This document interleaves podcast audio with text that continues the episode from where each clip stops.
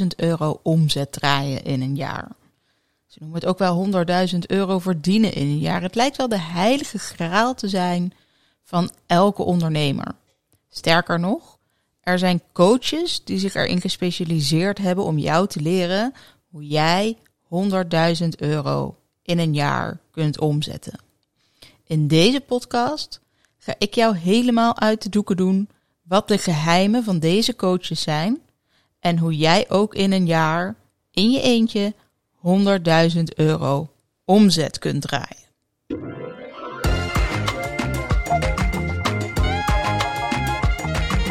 Je luistert naar Potje Oploskoffie, de podcast van Charlotte Meijersma met tips, ondernemersverhalen en juridische oplossingen.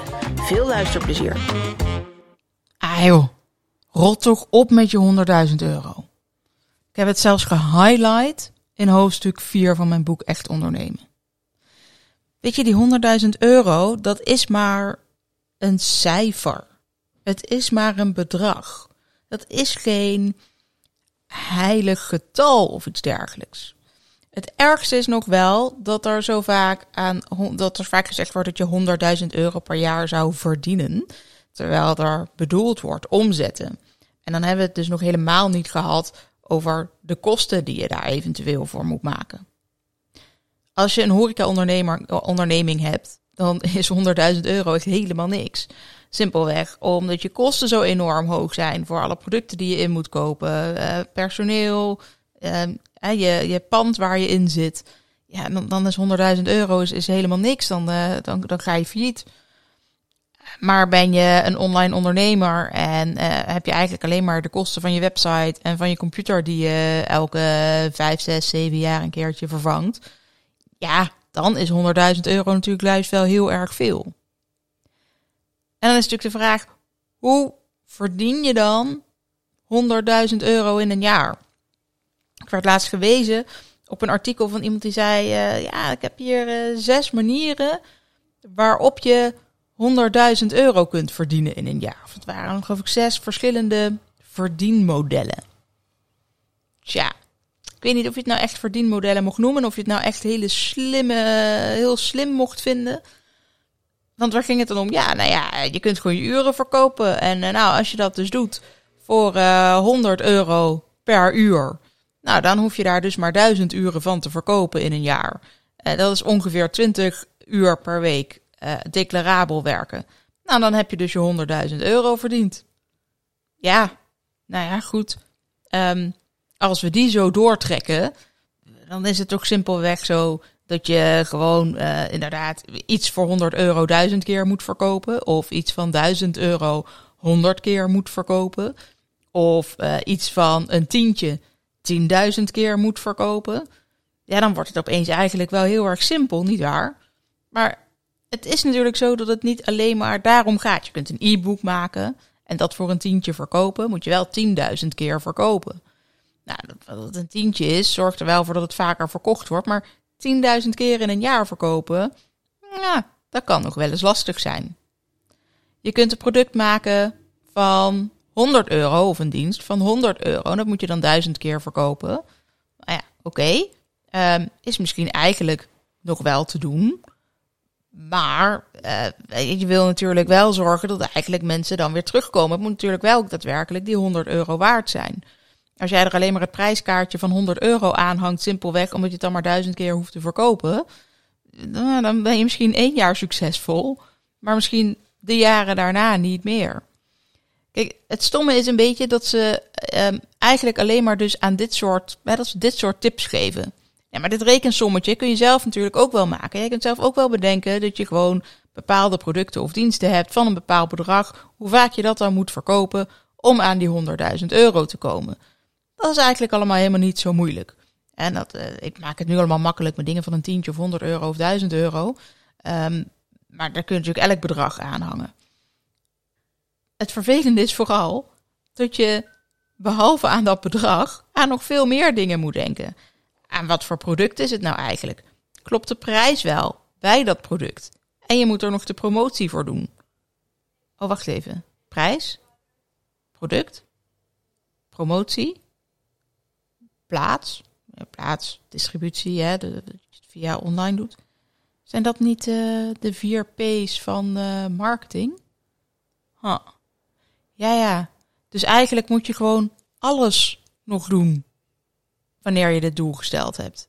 En wanneer je bedacht hebt in hoeveel kleine stukjes je het op kunt delen. Volgens mij heb je nu die hele business coach die jou gaat vertellen hoe je 100.000 euro kunt verdienen niet meer nodig. Wat ik je vooral graag mee wil geven is dat als je een business coach kiest die jou belooft om te vertellen hoe jij 100.000 euro kunt verdienen, dus dat er eentje is die vervolgens zegt dat je daar freelancers voor in moet huren, dat je dan eigenlijk weer zoveel kosten maakt dat er van die 100.000 niet zo heel erg veel meer overblijft. En dat je je dan beter eens af kunt vragen hoe ver je zou ko- komen in je eentje. En nou goed, dan is dat misschien niet die 100.000 euro aan omzet. Dat is dan misschien wel veel lager, maar omdat je ook veel lagere kosten hebt, hou je er misschien wel meer aan over. Bovendien moet je je afvragen waar jij gelukkig van wordt. Heb jij minder geld nodig? Of heb je misschien wel veel meer nodig dan die 100.000 euro? Kijk, ik heb er bijvoorbeeld voor gekozen om een kantoorpand te hebben. Dat vind ik fijn. Daar kan ik eh, de boeken opslaan. Daar kan ik andere producten hebben liggen. Daar kan ik een groot beeldscherm neerzetten. Want we wonen maar op 94 vierkante meter. En eh, nou ja, daar hebben we dan niet echt plek voor ehm, een, een apart werkkamer of iets dergelijks. We hebben gewoon eh, twee slaapkamers. Eentje in de kleinste slapen, want die ligt op het noorden. Eh, in de achterste kamer, daar eh, staan onze boeken, een beetje de bibliotheek. Er staan ook de kledingkasten. En daar staat op zich nog wel een bureau, maar er staan inmiddels allemaal weer andere spullen op. Ehm, en we hebben gewoon een eetkamer en een woonkamer. Dus echt een plek om daar een groot beeldscherm neer te zetten. Ja, dat, dat, dat, dat is er gewoon niet. Dus is het heel fijn dat ik een kantoor heb waar ik naartoe kan. Ook fijn om je een beetje af te kunnen sluiten van het werk. Hè, dat je dat lekker op kantoor kunt laten. En dat thuis ook echt eh, thuis is om te ontspannen. Ik kan op kantoor lekker klanten ontvangen, zodat dat niet in een openbare gelegenheid hoeft. Of dat ik daar niet elke keer opnieuw weer eh, iets voor moet huren. En dat dat eventueel weer misgaat. Want dat heb ik eerder wel eens gehad waar ik een unit huurde. Ehm, dan kon ik daar ook nog wel meetingruimtes bij huren per uur.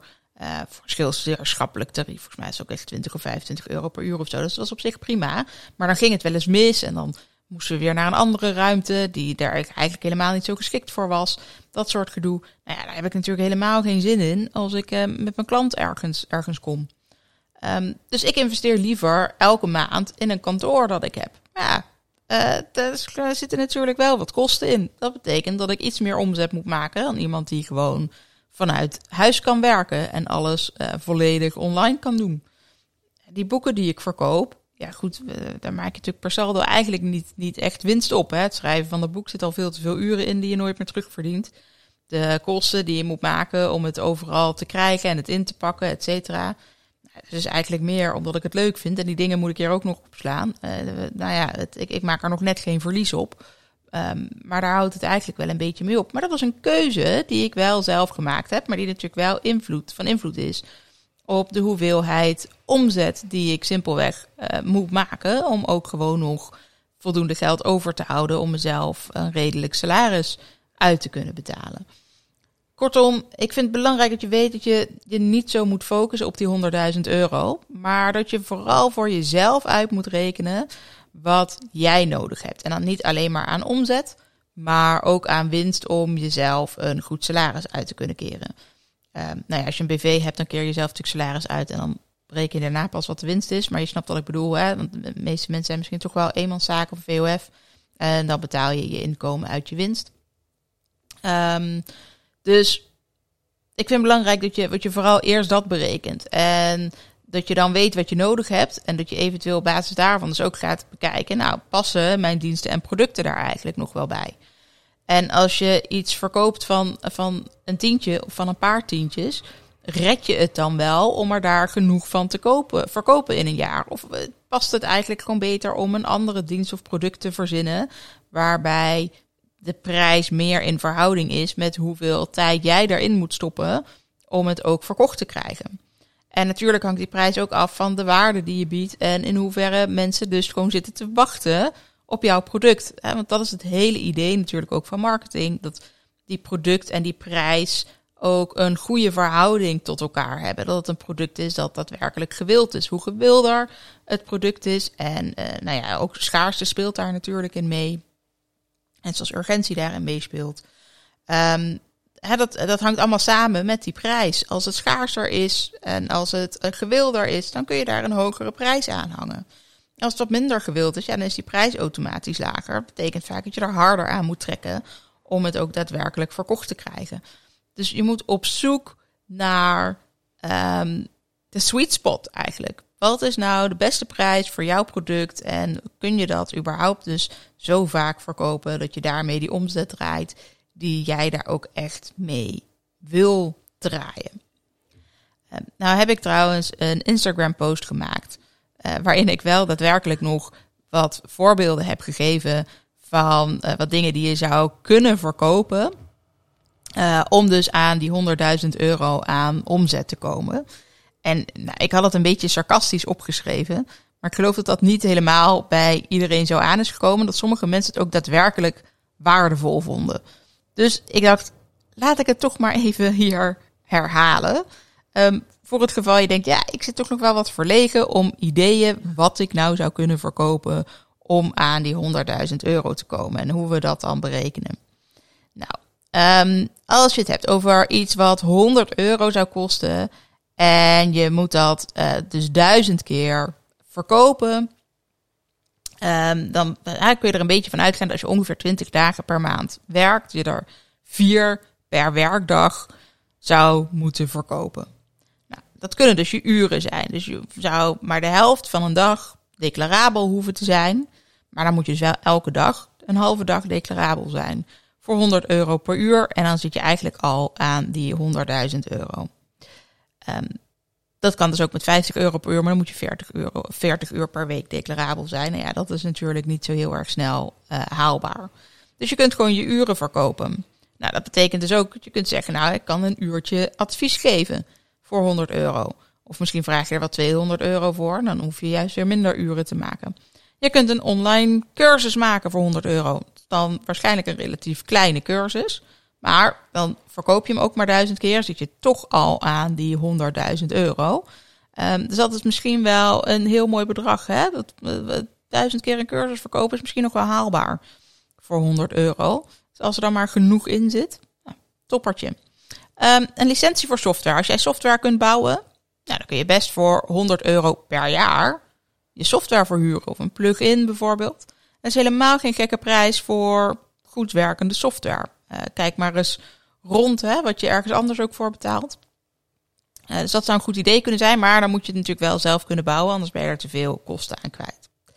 Nou, als je zelf uh, boeken hebt geschreven, dan zou je bijvoorbeeld een pakket van vijf boeken kunnen doen. Hè. De meeste boeken zijn ongeveer 20 euro. Dus dan kom je op 100 euro uit. Maak je daar dus hè, dat, dat mooie pakket van. Moet natuurlijk wel de werkelijke prijs zijn van de boeken. Hè. Op de vaste boekenprijs, jongens. Uh, maar een pakket van vijf boeken zou kunnen. Of als je e-books hebt gemaakt die dezelfde waarde hebben als een geprint boek. En dat dus echte boeken zijn. Maak je een setje van vijf e-books die je misschien wel verkoopt voor 100 euro. En daar kun je dan weer wel mooi in prijs differentiëren. Dus dan zou je echt wel kunnen zeggen, oh, 100 euro is misschien juist wel een aanbieding en dat het goedkoper is dan als mensen die vijf e-books los zouden kopen. Of je verkoopt een cadeaukaart van 100 euro waarmee mensen iets in jouw webshop kunnen kopen. Um, nou, dan verdien je natuurlijk het meest aan als dat online diensten, producten zijn, downloads, uh, et cetera. En dat ze er dus meerdere van kunnen kopen voor die 100 euro. Want als er weer producten tegenover staan, dan heb je die omzet natuurlijk wel.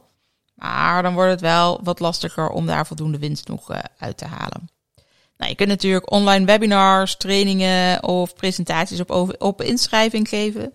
In de juridische wereld is het bijvoorbeeld zo dat uh, advocaten moeten 20 punten per jaar halen aan, aan opleiding en intervisie en allemaal dat soort dingen die ze moeten doen. En daar wordt gemiddeld, nou ja, zeg maar ergens nou, tussen de, de 69 en de 89 euro per punt, zeg maar, voor gevraagd. Dus op punt, daar investeer je ongeveer een uur in. Dus als je bij zoiets als dit ook zegt, nou, hè, voor 100 euro mag je meedoen aan mijn online webinar of training en dat duurt één of twee uur. Nou, dan heb je best een redelijke, redelijke prijs te pakken. Kan natuurlijk ook op locatie als corona dat weer toelaat. Nou, dan is dat natuurlijk al helemaal mooi, hè? Dat mensen echt nog weer eh, fysiek elkaar zien. Dat geeft vaak toch extra waarde. Behalve dat het natuurlijk lastiger is dat mensen allemaal heel specifiek tijdstip moeten kunnen en moeten reizen. En dat daar ook weer gedoe aan vast zit. Dus alles heeft zo zijn voor- en zijn nadelen. Maar voor 100 euro een live training verkopen of een presentatie geven op open inschrijving. Nou, dat zou best eens heel redelijk kunnen zijn. Je kunt natuurlijk ook aan denken om voor 100 euro een uh, gesponsord artikel op je website te publiceren.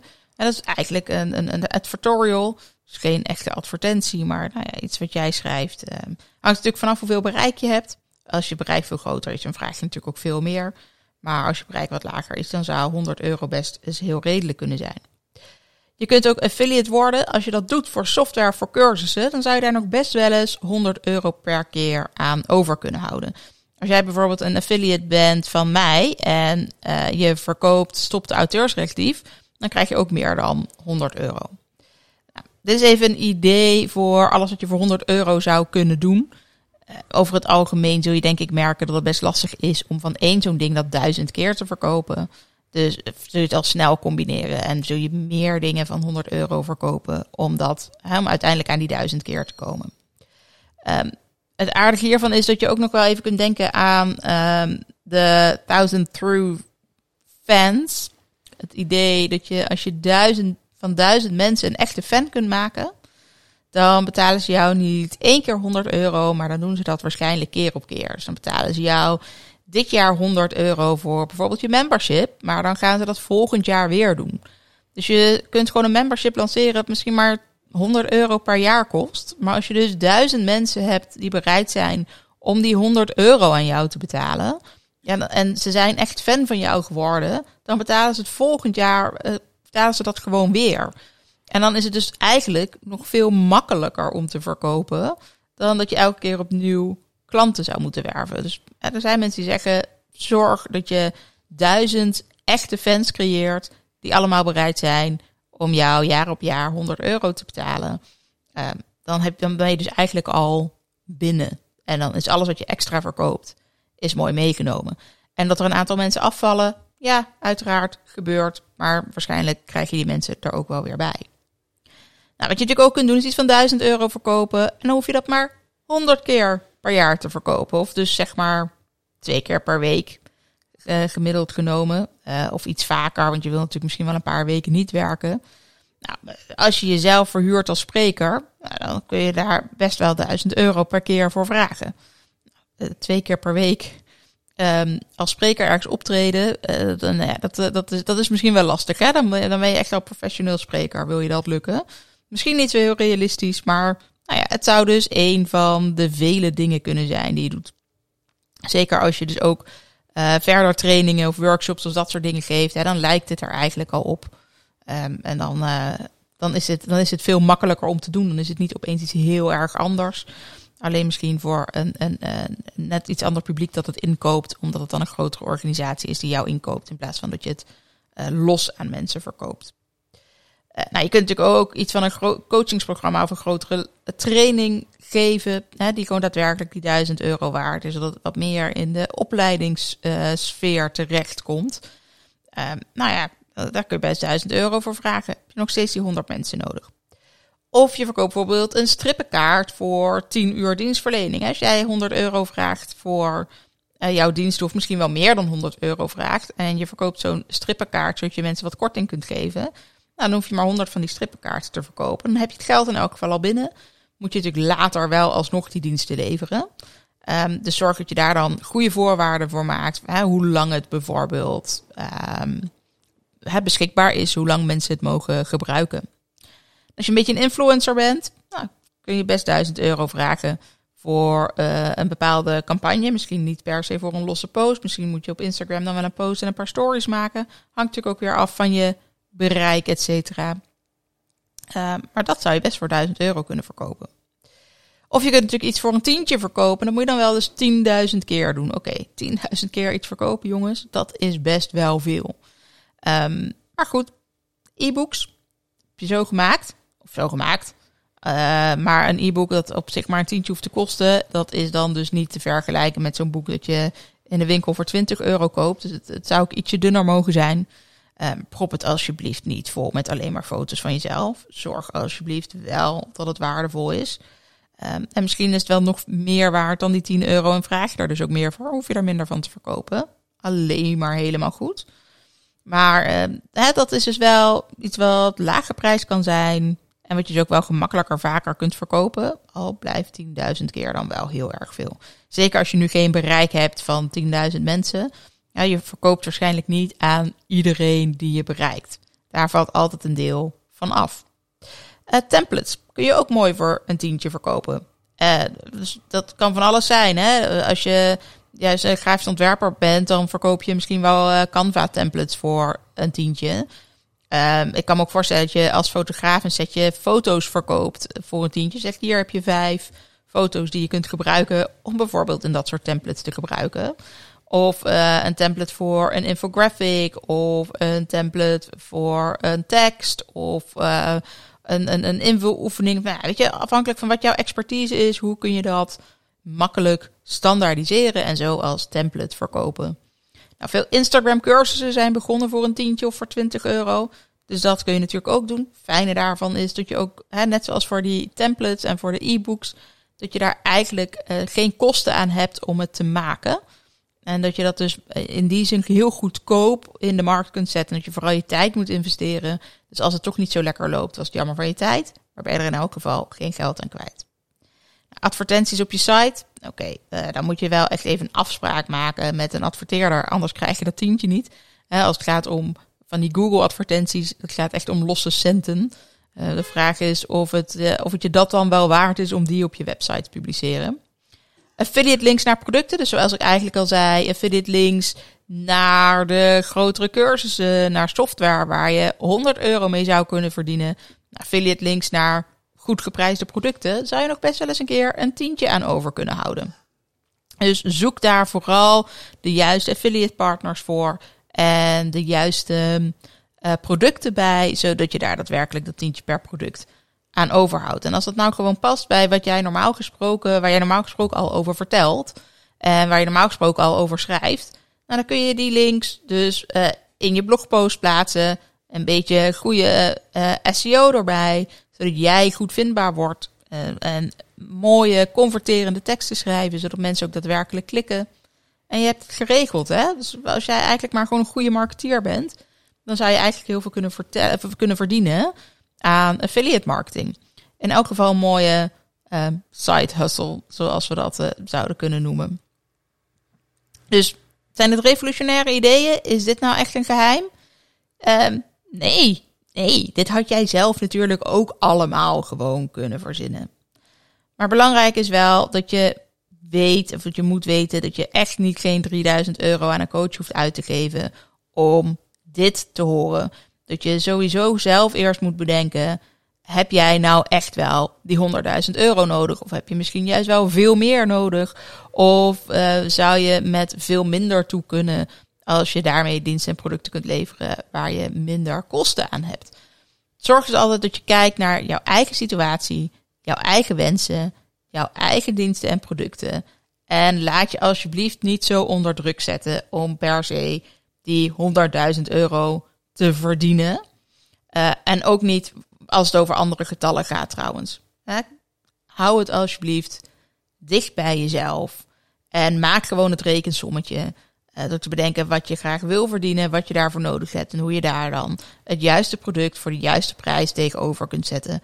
En hoe je dat vervolgens goed in de markt zet. Heel veel succes.